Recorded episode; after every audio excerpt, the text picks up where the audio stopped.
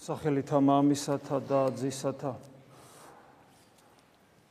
და სული საწმინდისათა უფალის რუნავს რომ ჩვენ გადავრჩეთ სრუნავს რავალნაირად რავალგზის ჩანსეს და ვლინდება. უფალის თილობს რომ გაგვაგებინოს.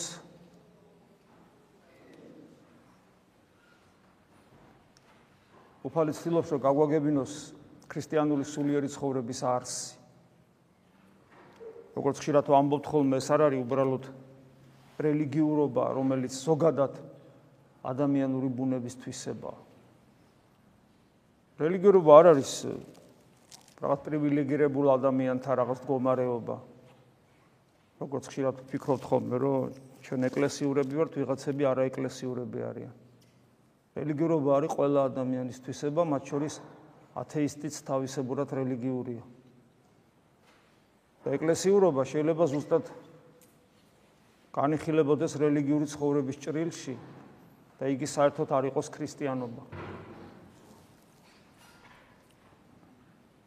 იცით რომ ერთი კვირის განმავლობაში საქართველოსში სტუმრობდა ადობეტის მონასტრის წინამძღვარი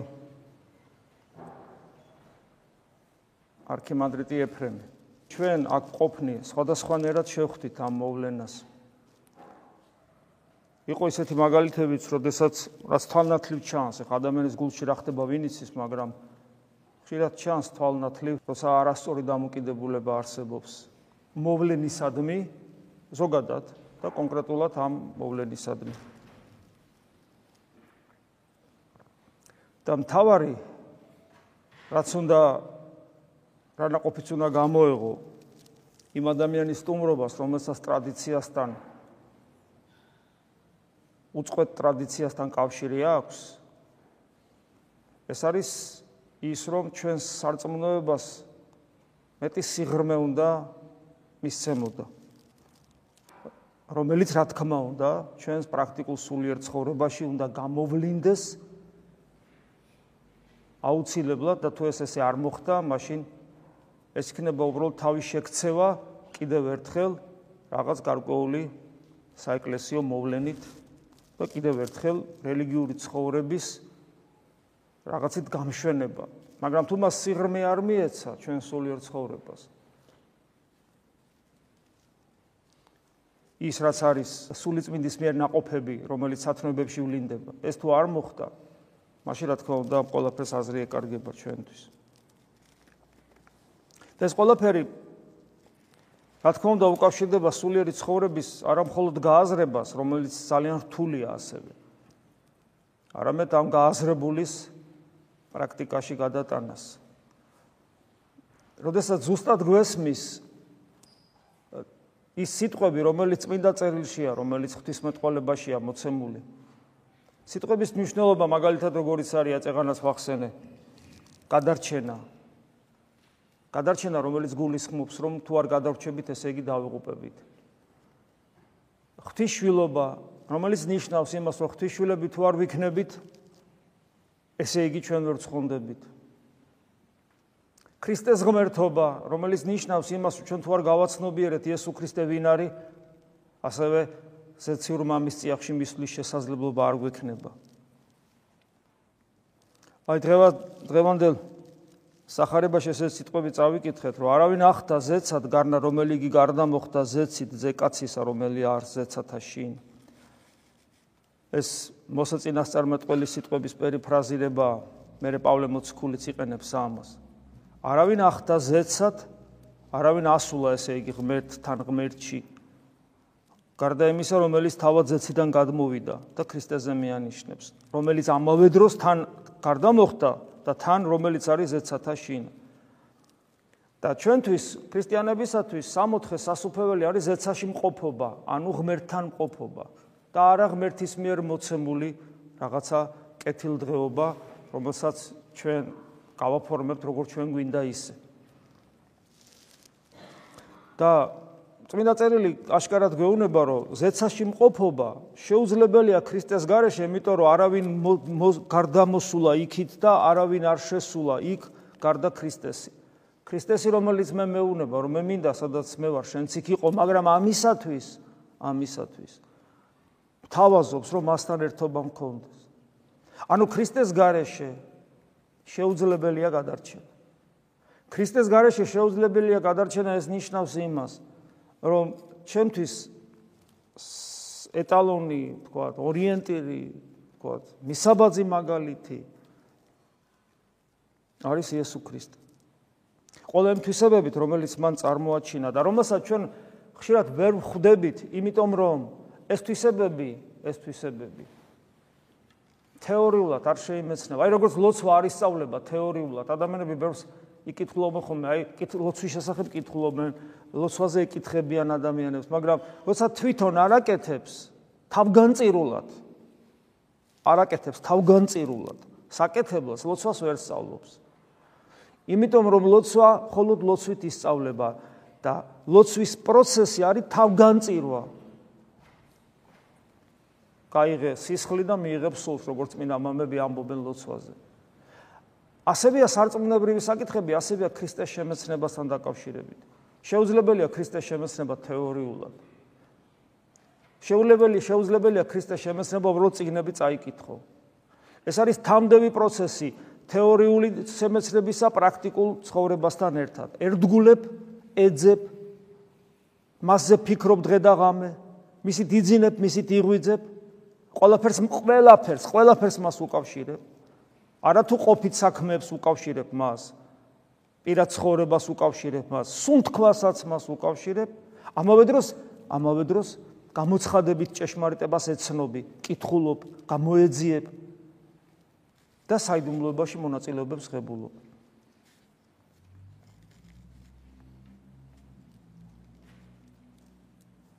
და ვიღაცას ეკითხები. აი ქრისტე ამბობს, მე ზუსტ სიტყვებს ვერ მოვიტან ახლა, რომ მე იმას ვლაპარაკობ, რაც მამამ მომცნო და სუხას უსავს ქრისტე მუდმივ კავშირს ზეციურ მამასთან. ამას აკეთებს ჩვენთვის, თუმცა ეს კავშირი რა თქმა უნდა არსებობს, იმიტომ რომ მამას, ძეს და სულიწმინდას ერთი ნება აქვს, იმიტომ რომ ერთი არსება და ერთი ბუნება აქვს. მაგრამ ხაზგასმით აკეთებს ამას. და პირიქით ამბობს, რომ ის რომ მოვა ანტიქრისტე, ის თავისი თავისი თავის თავს წარმოაჩენს, თავისი თავით იტყვის, თვითონ მოვა და საკუთარი სახელით ილაპარაკებს. ხოლო ქრისტე მამის სახელით ლაპარაკობს. რაც მითხრა მამამ იმას იმას გამცნობ. ასევე სულიწმინდაზე საუბრობს, ჩემგან მიიღობს, მიიღებს და იმას გეტყვით. და რაც იმიტომ რომ რაც ჩემია ის მამასია, იმიტომ რომ მე მამისგან მივიღე, ამიტომ ვთქვი რომ რაც ჩემგან მიიღო, იმას იტყვის სულიწმინდა. ესე იგი, ფაქტობრივად სულიწმინდას მამისგან იღებს. ამით გვასწავლის სწორ ცხოვრებას. კერძოდ შეუძლებელია ადამიანმა სულიერად იცხოვროს და არავის არაფერი არ კითხოს. კი, ციგნებს რო ვკითხულობთ, ჩვენ მაწმინდა მამებს ვეკითხებით, მაგრამ ეს მაინც რაღაც ერთგვარი პასიური მორჩილება არის. შეუძლებელია ადამიანმა რაიმე ისწავლოს და ის არ ეკითხებოდეს ვინმეს. ეს ვინმე მისი არჩეული უნდა იყოს. და აქ არის სწორედ ჩვენი უდიდესი პასუხისგებლობა, იმიტომ რომ ჩვენ ვიცით რომ თუ ჩვენ ქრისტესთვის არ ვართ აქ, მაშინ ბრმები ვართ და თუ ბრმა ვართ, აუცილებლად ბრმას ვიპოვი მოძღვრად და ორივე ხრამში ჩავარდებით. ხოლო თუ ბრმა ვარ და შემთხვევით გამიმართლა და მოხდი ისეთ მოძღვართან, რომელიც არ არის ბრმა, მე მაინც ვერ გავიგებ ის რას მასწავლის. როგორც იუდას დაემართა. იუდა ვერ გაიგო სად იყო, რატო იყო, რისთვის იყო. და მისი მოძღვარი არც მეტი არც ნაკლები თავად განკაცებული ღმერთი იყო, მაგრამ იუდას ამით არაფერი ეშველა. ხედავთ რამ ხელა არის ჩვენი პასუხისგებლობა. რაც მე წეგან სიტყვები აღმოვიკითხეთ ეს იოანეს სახარების მესამე თავია. უფალი ამბობს, რომ როგორც მოსე მაღამაღლა გველი უდაბნოს, იცით ეს ისტორია, თუ არ იცით ნახეთ იმაში ბიბლიაში, ეგრე ჯერ არ სამაღს სპილენძის გველი. ეგრე ჯერ არ სამაღლება ძისა კაცისა, ჯვარცმაზე საუბრობს, ქრისტეს ჯვარცმაზე მიანიშნებს და მე ხას უსვავს, რათა ყოველსა რომელსაც რწმენეს, იგი არა წარწმდეს, არამედ აქუნდეს ცხოვრება საუკუნო. კიდევ ერთხელ კონცენტრირება ქრისტეზე. ვისაც ქრისტესი წამს, ის არ წარწმდება და მას ექნება მარადიული სიცოცხლე. შემდეგ გამოხატავს უფალი იმას თუ როგორ როგორ უყვარს ღმერთს ეს სამყარო. გამოხატავს ადამიანური საზომით მაგრამ ჩვენთვის გასაგებად. რამე თუ ეს რეც შეიყვარა ღმერთმა სოფელი ესე ვითარცა ძეცა თვისი მხოლოდ ჩობილი მოსამას. რათა ყოველსა, ანუ სასიკვდილად გასცა მოგცა ჩვენ. იცოდა რომ ჩვენ მოვკლავდით. რათა ყოველსა რომ ეს არ წმენეს, იგი არა წარწმდეს, კლავ ხაზგასმული, კლავ კიდევ კონცენტრირება ქრისტეზე. არამედ ასეც ექნება მარადიული სიცოცხლე იმეორებს. და მე ამბობ საინტერესო რამეს. არა მოავლინა ღმერთმა ძეთვისი სოფლად, რათა დასაჯოს სოფელი, არამედ რათა აცხოვნოს სოფელი მის მიერ. ღვთის განკაცება მოხდა იმიტომ და ეს ყველაფერი, რასაც საფრთხო ისტორია ქვია, მოხდა არა იმიტომ, რომ მე დავისაჯო, არამედ მე გადავრჩე. ანუ ღმერთი ცდილობს რომ აჩვენოს ცხოვრების გზა და გადამარჩინოს. ისე რომ ჩემი ნება, ჩემ ნებას არ შეეხოს, ჩემ თავისუფალ ნებას არ შეეხოს. ამიტომ ძალიან მნიშვნელოვანია რომ გავიაზროთ ყველაფერი აი საფრთხო ისტორია ჩვენი თავისუფლების კონტექსში. იმიტომ რომ ადამიანებს არ ესმით ადამიანის თავისუფლების ხარისხი რამხელა და როგორც წესი ადამიანები თავისუფლების სახელით აპელირებენ, მაგრამ ხშირად სწორედ თავისუფლებას ებუძვიან, როდესაც როდესაც სავენ ხოლმე ესეთ კითხვებს, რატომ მოხდა ესე, რატომ მოხდა, რატომ დარგო მაგალითად, რატომ იყო ხე ცნობადისა, ესე იგი 60-ში, ქრისტე რატო ყოველას არ გამოეცხადა აღდგომის მეერე და ასე შემდეგ. ავიწყდებათ რა, რომ ყველა ეს ნიუანსი მნიშვნელოვანია სწორედ ჩვენი თავისუფლების კონტექსში. ნებისმიერი რამე აქედან დარღვეული ჩვენ თავისუფლება აღარ გვექნება. თავისუფლება არ გექნება, შენ არ გექნება უნარი ღვთისმშილობისა, შენ არ გექნება უნარი ღმერთობისა, შენ არ გექნება უნარი ჭეშმარიტი სიყვარულისა და ჭეშმარიტი ბედნიერებისა. შენი ყველაფერი დანარჩენი იქნება ცხოველური. თუმცა, თუმცა შეიძლება მრავალი ადამიანი ამაზე თანახმა იყოს. ლუარსაბ თათქარიძის ტიპაჟი ამაზე თანახმაა, რომ მას კონდეს ცხოველური ბედნიერება. მაგრამ ეს ხო ლიტერატურული პერსონაჟია. ჩვენ ხო ესე არ გვინდა. ჩვენ ხო გვინდა რომ როგორც ადამიანები ვიყოთ ბედნიერნი. ანუ ეს ნიშნავს, რომ ჩვენი თავისუფლება შენარჩუნებული გქონდეს. ხო და აი ეს თუ გვინდა, მაშინ საფრთხო ისტორია ამ კონტექსში თუ განვიხილეთ, მაშინ მივხვდები ძალიან ბევრ რამეს. რომელს არ წმენეს მისი არა დაისაჯოს, აგძელებს უფალი იონეს სახარებაში. მაგრამ ამ კონტექსში, აი ნახეთ როგორ ამბობს, იქ ამბობს რომ წინ ამბობს რომ იმიტომ კი არ მოავლინა რომ დასაჯოს, არამედ გადაარჩინოს ეს სამყარო ძეგმერთის მიერ. ანუ სასჯელის გამო არა, მაგრამ აი აქ ადამიანს ექნება ილუზია რომ აჰა, ესე იგი ჩვენ ყველანი გადავრჩებით. ჩვენ ყველანი გადავრჩებით. და სწორედ ამის საპირისპიროდ მე უფალი ამბობს, რომელსაც წმენეს მისი არა დაისაჯოს, ხოლო რომელსა არ არწმენეს, აწვე დასჯილი არს. რამე თუ არ არწმენა სახელი სა მიმართ ძისა ღვთის მხოლოდ ჩობილის. და ესი არ სასჯელი და განმარტავს ეს სასჯელი რა არის?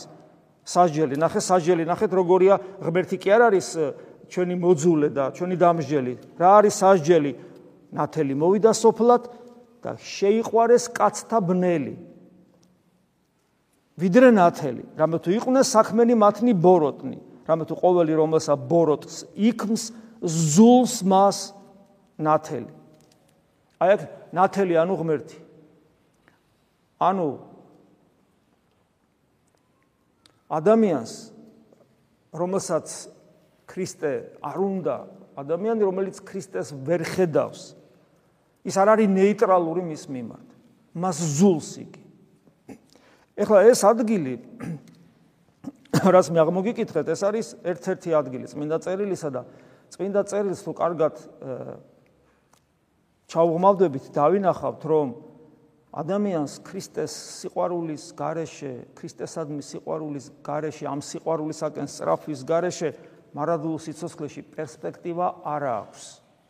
და ეს არა იმიტომ, რომ ღმერთი ჯის, ღმერთი არ მოსულა ადამიანად, რომ დაგვსაჯოს. არამედ იმიტომ, რომ ეს ჩვენი არჩევანია, იმიტომ რომ ჩვენ შეუძლებელია ქრისტეს ვერცნობდე თუ იგი თუ მისი სიყვარულისაკენ ისწრაფი. ქრისტეს ვერცნობა მხოლოდ მისდამი სიძულვილის ნიშანია. დღევანდელი სახარებაც ამას გვაჩვენებს. იმიტომ რომ ყოველი რომელსაც რომელი ბოროტს ვიქს ზულს მას ნათელი. ბოროტს იქს ის ვინც ვისაც ვინც შეიყვარა ბნელი და ვისაც არ უნდა ნათელი და ასეთი ადამიანი უკვე დასჯილია. მე ადრეს გითხარით, მგონი რომ ვისაც განუცდია აა ბერჯერ გვითქვია ეს უფრო სწორედ რომ ვისაც ახსოვს თავისი ვინც უღმერთო ყოფილა და ვისაც უღმერთობის პერიოდი ახსოვს, მან ძალიან კარგად იცის რა ჯოჯოხეთური მდგომარეობაა ეს. ან ვინც თქვა თუნდაც სარწმუნოების პერიოდში მადლი დაუკარგავს და ჩავარდნილა აა სასწორკვეთილებაში, დეპრესიაში, მოწყენილობაში, მრისხანებაში და ასე შემდეგ, ესეთ ვნებებში, რომელიც აშკარად დემონურ ხასიათს ატარებს და მე იქიდან გამოსულა და ჩვენ ხო გვახსოვს აი ჭრილობასავით რა ხო გახსოვს რაღაცა რომ დაგემართა როგორი ჯოჯოხეთური მდგომარეობაა ეს და. აი წარმოიდგინეთ ჯოჯოხეთი ანუ აბსოლუტური უღმერთობა ეს არის აი ეს საშნელი მდგომარეობები რომელიც მზარდია და რომელიც არასოდეს დასრულდება. ხო აი არასოდეს დასრულებაში იგულისხმება მარადიული ჯოჯოხეთი და ძალიან ხშირ შემთხვევაში თანამედროვე ლიბერალური საზოგადოება და მათ შორის ლიბერალური ღვთისმეტყველება არსებობს. ესეთი რამე ჯოჯოხეთის მარადილობას უარყოფს. იმ მოტივით იმ მოტივით რომ როგორ შეიძლება კაცთმოყარე ღმერთმა დაუშვას მარადიული ჯოჯოხეთი რამდენად საფუძვლიანია ასეთი საუბარი? რა თქმა უნდა ახლა ლექცია არ არის და სრულად ამაზე ვერ ვერ გესაუბრებით მაგრამ მე ვესწრები რომ ორიოდე სიტყვით აი ეს თეზისების სახით ჩამოგიყალიბოთ თუ რასთან აგვაქვს საქმე. იმიტომ რომ როცა ადამიანი ამგვარ ამეს ამტკიცებს სერიოზული ხარვეზი აქვს მას სარწმუნოებაში რომ ანუ როცა ადამიანი ამტკიცებს რომ ჯოჯოხეთი არ არის მარადიული ეს იგი მხოლოდ პედაგოგიური პედაგოგიური მოსაზრებით არსებობს. იმიტომ რომ ასე დროს ადამიანი თვითნებობს აი როგორც მაგალითად კათოლიკურ სამყაროში მოხდა სულიწმინდა გამოვალ ზისაგანაც რომლის საფუძველი ძიება დაიწყეს წმინდა წერილში, ვითომ რაღაცა იპოვეს, მაგრამ სინამდვილეში ეს არის თითიდან გამოწოვილი, იმიტომ რომ წმინდა წერილი პირდაპირ გვეუბნება, რომ სული წმინდა ისე როგორც ძე ღვთისა, მამიდან მამიდან გამოდის. თითქოს ამას რა მნიშვნელობა აქვს ჩემთვის? ახლა ჩემთვის რა მნიშვნელობა აქვს, როგორ არის ღმერთში, მაგრამ ამას აქვს მნიშვნელობა, ჯერათი ჩემი გამოცხადებისად მინდობის თვალსაზრისით და თუ არ ვენდობი გამოცხადებას და ვცვლი მე მას ეს ჩემს სიამაყეზე და ამპარტავნებაზე მეტყოლებს და კიდევ არის საფრთხისმეტყველო ნიუანსები, რომელსაც ახლა აქ განვიხილავ, მაგრამ ყველაფერს აქვს მნიშვნელობა, რაც გამოცხადებით მიღებულია როგორც ჭეშმარიტება. როდესაც საუბრობენ, თქვა, ლიბერალურად განწყობილი ადამიანები ან თვით თეოლოგებიც კი რომ თქვა, ჯოჯოხეთის მარადიულობაზე საუბრობენ, როგორც წესი, ამ დროს არ ხდება იმის გაცნობიერება, იმ ცნებების ქვეშ, რომელსაც ქვია 64 და ჯოჯოხეთი, რა არის? აი, ადამიანი საუბრობს ჯოჯოხეთზე და აპროტესტებს, აი ადამიანი აპროტესტებს ჯოჯოხეთის მარადიულობას, კაცო ეს ესე არ იქნება. მაგრამ იგივე ადამიანი ამ შემთხვევაში შეიძლება მას არ ქონდეს არანაირი განათლება, უბრალოდ ეკლესიის გარეთ ან რიგითი მრევლის წევრი იყოს. ამ ადამიანს რამდენად აქვს გაცნობიერებული რა არის 64, რა არის სასუფეველი და რა არის მარადიული სიცოცხლე?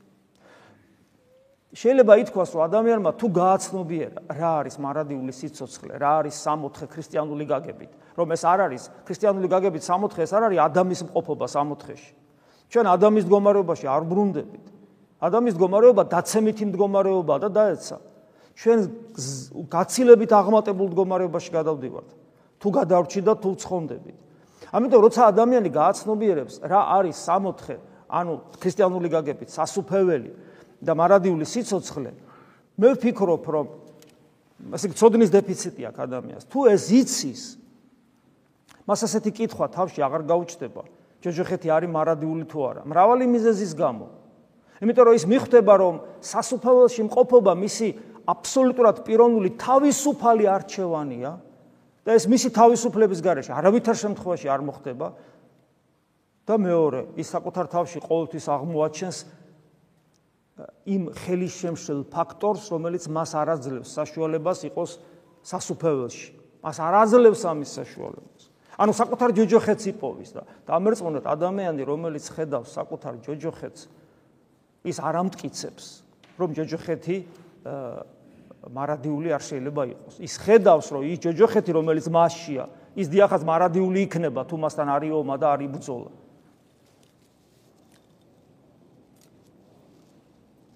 გარდა ამისა მარადიული ხვედრის შესახებ მარადიული ხვედრის ანუ სასופევლის მარადისობა და უღმერთო დარჩენილობის მარადისობა, ანუ ჯოჯოხეთის მარადისობა ადამიანს თავისი გონებით არ მოუფიქრებია, ესე როგორც ადამიანს არ მოუფიქრებია თავის გონებით ყოლაწმინდა სამების დოგმატი, ღვთის განკაცების დოგმატი, ეკლესია რო ქრისტეს მისტიკური შეეულია, რომ ზიარება საიდუმლოება, ესედი ადამიანს თავიდან თავისთვის არ მოუფიქრებია, რომ ადამიანი აუცილებლად უნდა ახალი ქმნილება გახდეს და ეს ახალი ქმნილება იწყება მეორე დაბადებით, რომელსაც ნათლობა ქვია. ეს ადამიანს თავისით არ მოუგონია.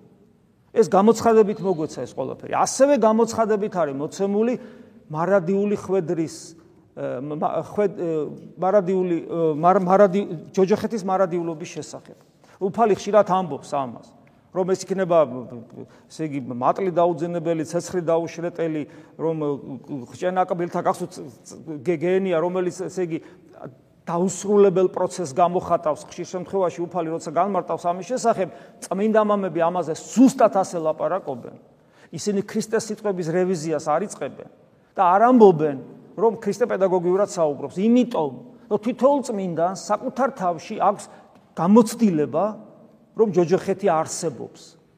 მე ვიცი რომ ჯოჯოხეთი არსებობს ჩემი გამოცდილებით. ეხლა როგორ უნდა ვამტკიცო რომ ესე იგი ის არ არსებობს. ერთი და მეორე მე ვიცი რა ომი მიწევს მასთან. რა თქმა უნდა უფლის იმედი მაქვს.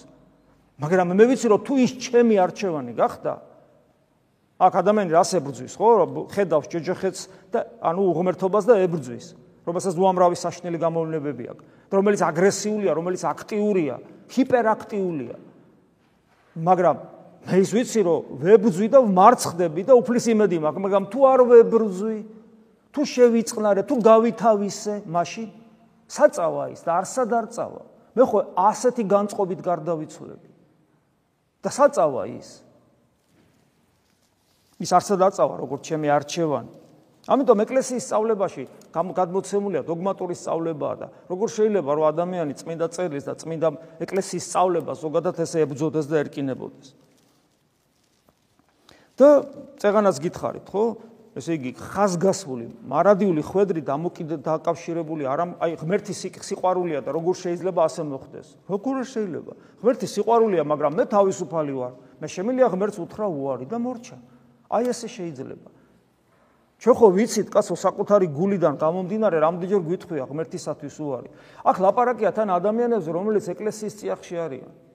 ეკლესიის წიაღში მყოფი ადამიანების უდიდესი უმრავლესობა საერთოდ ვერ ხვდება ქრისტიანობა რა არის და ადამიანებს არ აქვთ ის სიფაქიზე სულისა, რითაც მიხვდებიან, როდის ეწინააღმდეგებიან ღმერთს და როდის არა. ამის ამის დასტური მარტო მე შემიძლია გავაკეთო არა მარტო საკუთარი დავით თავიდან, არამედ ჩემი მცირე გამოცდილებიდან, რომელიც აი ამ სამრელო ცხოვრებას ეხება. აი ამ სამრელო სხვაგან კი არა, აი აქ, როცა ადამიანთა ძალიან მნიშვნელოვანი ნაწილი და შეიძლება ითქვას უმრავლესობა მუდამ წინააღმდეგობაშია ღმერთთან. მესმის ეს პროცესია, და მესმის ეს რომ დაძლევადია ღვთისყალობითა და მადლით. მაგრამ ხო შეიძლება რომელიმე თქვენგანი გაჯიქდეს და ბოლომდე ეგრე დადგეს და მაშინ მაშინ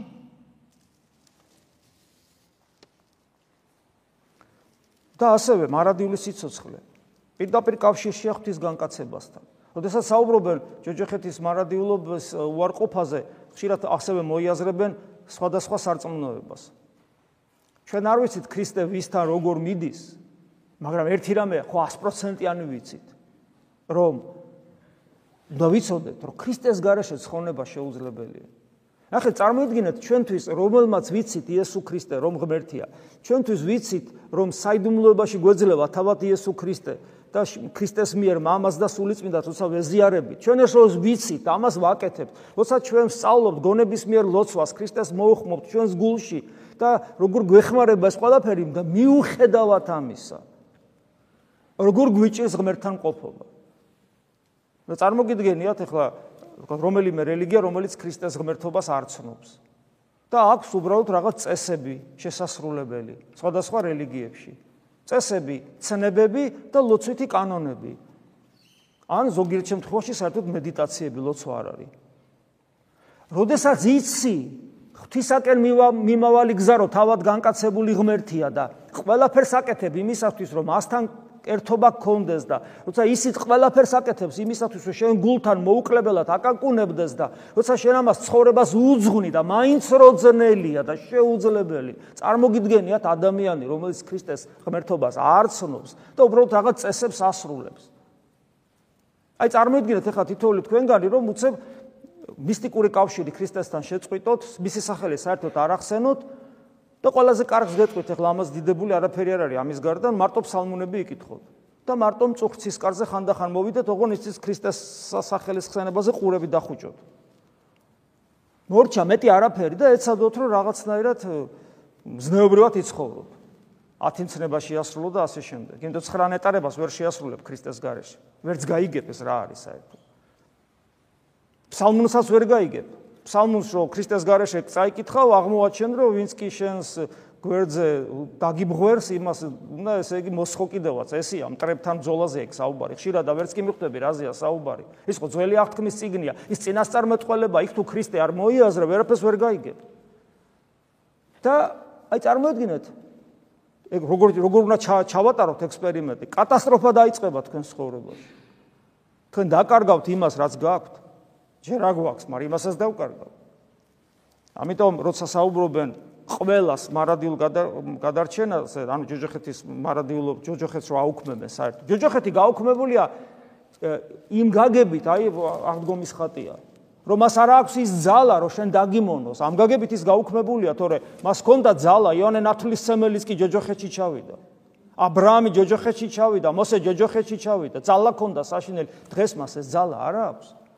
მაგრამ ეს ძალა არ აქვს იმიტომ რომ შენ თავისუფლებას ხსნილი აქვს. შენი თავისუფლება გზახსნილი აქვს. შენ თავისუფლებას შენ ქრისტე დაინახე და მიყვები და ჯოჯოხეთს არ შეუულია დაგიჭიროს და თუ შენი თავისუფალი არჩევანი ქრისტე არ იქნა და თუ შენ გზაზე არ დგები და იმ ვიწრო კარებს რომელსაც ბევრი ეძებს და ცოტა პოულობს იმას ვერ იპოვი.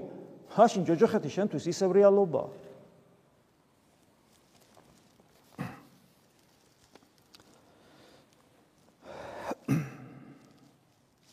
მოკლედ შეიძლება ასე ითქვას, რომ დასკვნის სახით, რომ როცა ადამიანი ეს ყველაფერი არ იცის, რაზეც ჩამოვთვალე, რაც ჩამოვთვალე. და ამის გარდა არ იცის ეს, მაგრამ ამის გარდა ჯოჯოხეთის მარადიულობის საწინააღმდეგო პროტესტი შეიძლება კიდევ ორ რამეს ეფუძნებოდეს. რომ ადამიანი ვერაცნობიერებს თავის დაცემულობას. აი, რასაც წმინდანები ხედავდნენ, რა თქვენც უნდა ხედავდეთ. საკუთარ ჯოჯოხს, საკუთარ ჯოჯოხეს თუ ვერ ხედავ, ყოველთვის დაამტკიცე, რომ ჯოჯოხეთი მარადიული არ არის. როგორც კი საკუთარ ჯოჯოხეს დაინახავ, ხმა აღარ ამოგე, სად გეცლება საერთოდ ამისათვის. და ქრისტეს ეს ეს ერთი რასაც ანუ საკუთარ დაცემულობას ვერ ხედავენ ადამიანები და მეორე, ქრისტეს ცნობიერ თუ არაცნობიერ უარყოფას ეფუძნება აი ეს ეს პოზიცია რომ ჯოჯოხეთი მარადიული არ არის, ეს ეფუძნება ქრისტეს ცნობიერ თუ არაცნობიერ უარყოფას, იმიტომ რომ ქრისტე სწორედ ამ მარადილობაზე ლაპარაკობს. ჯოჯოხეთი რომ მარადიული არ იყოს, კიდევ ვიმეორებ, მაშინ ადამიანი თავისუფალი არ არ არ უნდა იყოს. ქრისტეს განკაცება საჭირო არ იქნებოდა. იმიტომ რომ არიან ადამიანები სამწუხაროდ ეკლესიის წიაღშიც კი რომელს ქრისტ რომლებიც ქრისტეს ვერ ხედავენ. აქედან გამომდინარე, კიდევ ერთხელ მოუხმოთ საკუთარ თავს და სულიერ ცხოვრებას მეტი სიღრმე მივცეთ. მეტი სიღრმე. კარგად გავითავისოთ 2000 წლოვანი ქრისტიან ეკლესიის სწავლება და კარგად შევერწყათ ქრისტიანულ ცივილიზაციას, რომელიც ამტკიცებს, რომ ღმერთი სიყვარულია წმინდა გამოცხადებიდან გამომდინარე, მაგრამ ღმერთი რო სიყვარულია, ეს ადამიანის ავტომატურ გადარჩენას იმიტომ არ ნიშნავს, რომ ადამიანი არ არის ცხოველი, ადრეც მithქვას, რომელიც იწვრთნება. ადამიანი არის ღვთის მსგავსი არსება, რომელიც ღმერთი უნდა გახდეს, ღვთის შვილი უნდა გახდეს, ოღონ ხოლო და მხოლოდ იმ შემთხვევაში, თუ მას ეს უნდა და ამ სურვილს გამოხატავს თავის ცხოვრებაში, თავის შინაგან მდგომარეობაში. ხშირად ამბობენ ხოლმე, რომ კი კაცო, როგორ არა ის ხო წერია წმინდა წერილში, რომ ვინც ესე იგი ქრისტეს სახელს მოუხმობს, უფლის სახელს მოუხმობს, იგი ცხონდება. ჯერ ძველ აღთქმაში იყო მსგავსი რამ და მე ახალ აღთქმაში წინა წელში გავიმეორეთ. ანუ შეიძლება ადამიანი არ ცხოვრობს, არც ქრისტიანულად, არც ეკლესიის წევრი არ არის, საერთოდ სხვა რაღაც, მაგრამ უცებ სიკვდილის წინ მოუხმობს იესოს სახელს და ცხონდება. თუ რწმენით მოუხმობს, კი ცხონდება ჯვარცმული ავაზაკივით. ოღონ ამ მოხმობაში ხო გახსოვთ სხვა სიტყვები უფლისა. მრავალი მეტყვის თქვენ უფალო, უფალო, მაგრამ გესმით უფალიანობა მე თქვენ არ გიცნობთ. ანუ ამ მოხმობაში მექანიკური მოხმობა კი არის გულისხმება ამ მოხმობაში იქ გულისხმება გულისმიერი კავშირი ქრისტესთან და დამერწმუნეთ ვისაც მომაკვდავი ადამიანი უნახავს და მღდულებს ეს გამოცდილება გვაქვს თუ ადამიანი ურწმუნო იყო მთელი ცხოვრება ან არ ქონდა საკმარისი რწმენა და თუ სიკვდილის წინა წუთებში, წამებში, საათებში მან რწმენა დაკარგა და შიშმა დაიპყრო და შიშმა თუ დაიპყრო ის ის რომ წმენა დაკარგული აქვს დამერწმუნეთ რომ მას ლოცვისათვის არცალია ვერაფერს ვერ გააკეთებს ადამიანი ამ დროს. იმდანაც შეპყრობილია დემონური ძალებით. ასე რომ ესე არ არის ესე მარტივად რომ აი ხო ესე ვიცხოვრობ და სიკვდილისი უფალო იესო ქრისტე შემიწყალე მერწმენის არ არის ესე მარტივად. ისე როგორც ჯვარცმული ავაზაკის მდგომარეობა ესე მარტივად ყველასთან არ რეალიზდება. იმიტომ რომ ეგ ყოველი ადამიანი უნიკალურია. ამიტომ ჩვენ არ ვიცით ჩვენი გარდაცვალება როგორი იქნება. გარდაცვალება ხო 100%-იანი იქნება, არ ვიცით როგორი იქნება და ჩვენ არ ვიცით მოახერხებთ თუ არა გულის მიერ კავშირს ქრისტესთან გარდაცვალების წამს. ამიტომ ჩვენ ჩვენთვის გულის მიერი კავშირი ქრისტესთან უნდა გახდეს ბუნებრივი მდგომარეობა. როგორც ადრე გითხარით, ეს უპირობო რეფლექსივით უნდა იყოს ჩვენთვის. სუნთქვასავით უნდა იყოს. ჩვენთვის რომ როცა დადგება ის დრო და თან ის დრო შეიძლება მოულოდნელად დადგეს და არანაირი დრომე მომზადების არ მქონდეს ჩვენთვის იმდანად ბუნებრივი უნდა იყოს.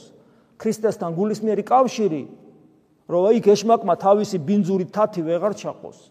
და ჩვენ ცელ ცხოვრებას ეკლესიურ ცხოვრებას რომ ამბობთ ამას უძღვნით რომ ეს ესე მოხდეს. და ამისათვის ეს არის სწორედ გულის გახსნა საფრთხო ენერგიისათვის ანუ მადლისათვის ამას ჭირდება სწორედ ეს სულიერ ცხოვრებას სიღრმე მივანიჭოთ, სიღრმე. და ყოველი მოვლენა რაც თავში გითხარით, რაც ეკლესიაში ხდება, იყოს მიმართული ჩვენთვის იქეთკე, რომ აი ეს ეს ეს რეალიზდეს. არ აღვიქვათ ზედაპირულად არაფერი, არამედ სიღრმე მივცეთ, ლოცვა ვისწავლოთ. ღვთისმეტყველებას ჩაუღმავდეთ და ცხოვრების წესი ქრისტეს მიხედვით ვაკონტროლოთ. უფალო შეგვიწყალე მადლი უფლისა ჩვენისა იესო ქრისტეს და სიყვარული ღვთისა და მამის და ზიარება სული საწმინდისა იყოს თქვენ ყოველთა თან. ამინ